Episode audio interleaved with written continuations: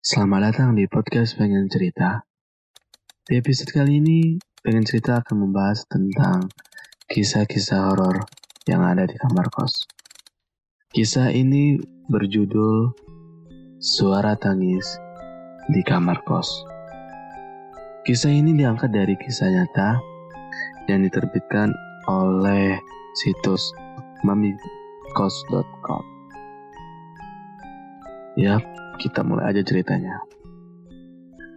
Cerita ini aku alami pas aku kuliah semester 3. Waktu itu tugas kuliah baru banyak-banyaknya. Tugas kelompok juga gitu. Ada aja tugas kelompok tiap harinya. Ya hasilnya aku jadi sering tidur di kos temanku buat bagian tugas. Karena aku sendiri asli orang kota ini, sebelum kuliah aku nggak familiar dengan yang namanya kos-kosan. Jadi ya ini pengalaman baru juga buatku. Kos-kosan yang paling sering digunakan sebagai tempat ngerjain tugas oleh kelompokku ialah kosnya Bayu. Kos Bayu ini lokasinya nggak jauh dari kampus. Bangunannya besar dan kelihatannya sih udah lumayan berumur nih. Kalau nggak salah ada sekitar 15 kamar dan ada satu kamar yang kosong. Nah, Waktu itu ada tujuh orang yang ngerjain tugas kelompok di kamarnya Bayu. Karena tugas ini deadline-nya besok pagi, jadi sampai jam 11 malam lewat kita masih ada di kamar kos itu untuk menyelesaikan tugas. Ya akhirnya sekitar jam 2 malam tugas kelompok itu kelar. Karena udah jam segitu kita semua jadi malas pulang lagian besok pagi jam 7 juga udah ngampus lagi. Akhirnya kita memutuskan untuk nginep aja di kamar kosnya Bayu. Awalnya kita tidur berdesak-desakan. Tujuh orang cowok semua dan badannya juga ada yang gede-gede. Sumpah, gak nyaman banget. Akhirnya Bayu punya ide kalau sebagian dari kita tidurnya di kamar kos yang kosong yang ada di kos itu. Kata Bayu, kamarnya nggak pernah dikunci dan di dalam kamar itu juga ada spring bed, bantal, dan selimut. Ya, daripada desek-desukan kayak teri dijemur begini, akhirnya ide tersebut diakan aja. Aku, Renda, dan Yudi terpilih untuk jadi tiga orang yang tidur di kamar pojokan yang kosong itu. Bayu mengantar kita bertiga sampai depan kamar itu. Begitu pintu dibuka, hawa pengap langsung terasa. Kayaknya emang tuh kamar udah lama gak ditempati. Waktu itu sih kita bertiga gak ada berpikiran macam-macam pengennya langsung tidur aja karena besok kuliah pagi. Setelah berbaring di kasur selama beberapa saat, sayup-sayup aku terdengar suara cewek nangis di pojokan kamar. Reaksi pertamaku adalah merinding. Secara, ini kosan cowok, kok bisa ada suara cewek yang nangis? Aku langsung membangunkan Renda dan Yudi di kiri dan kananku. Ternyata mereka belum pada tidur juga. Ya, aku juga dengar kata Yudi. Aduh, syukur berarti bukan cuma aku.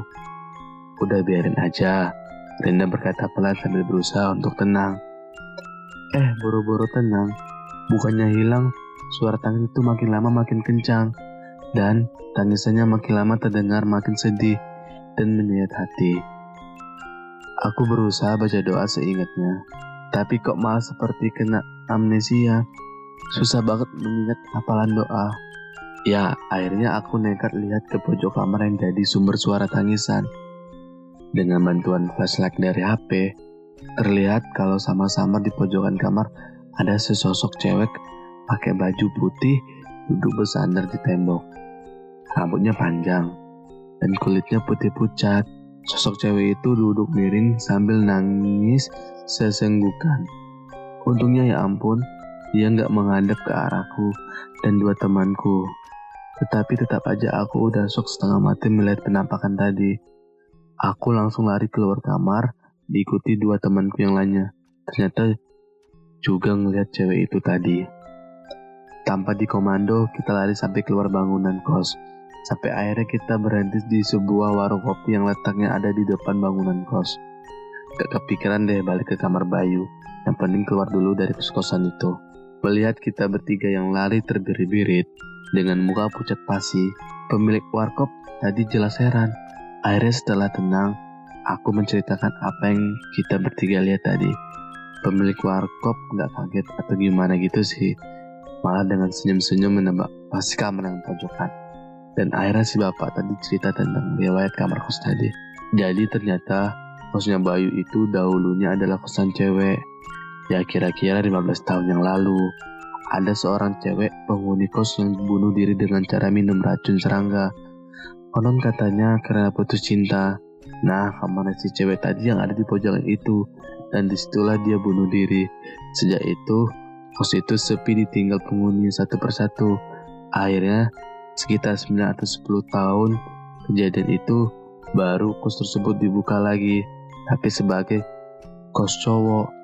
Secara cowok kan agak cuek dan banyak yang gak gampang percaya sama yang begituan. Tapi anehnya kamar yang di pojokan tadi tetap jarang terisi penghuni Ya mungkin karena kalau ada yang menepati bakal diliatin sama yang barusan kita lihat tadi.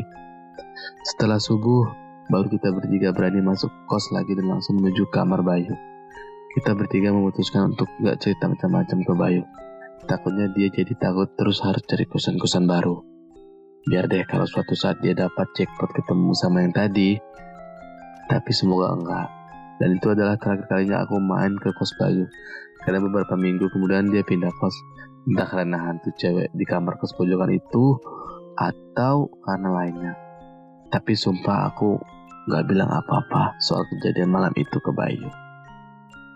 Tamat.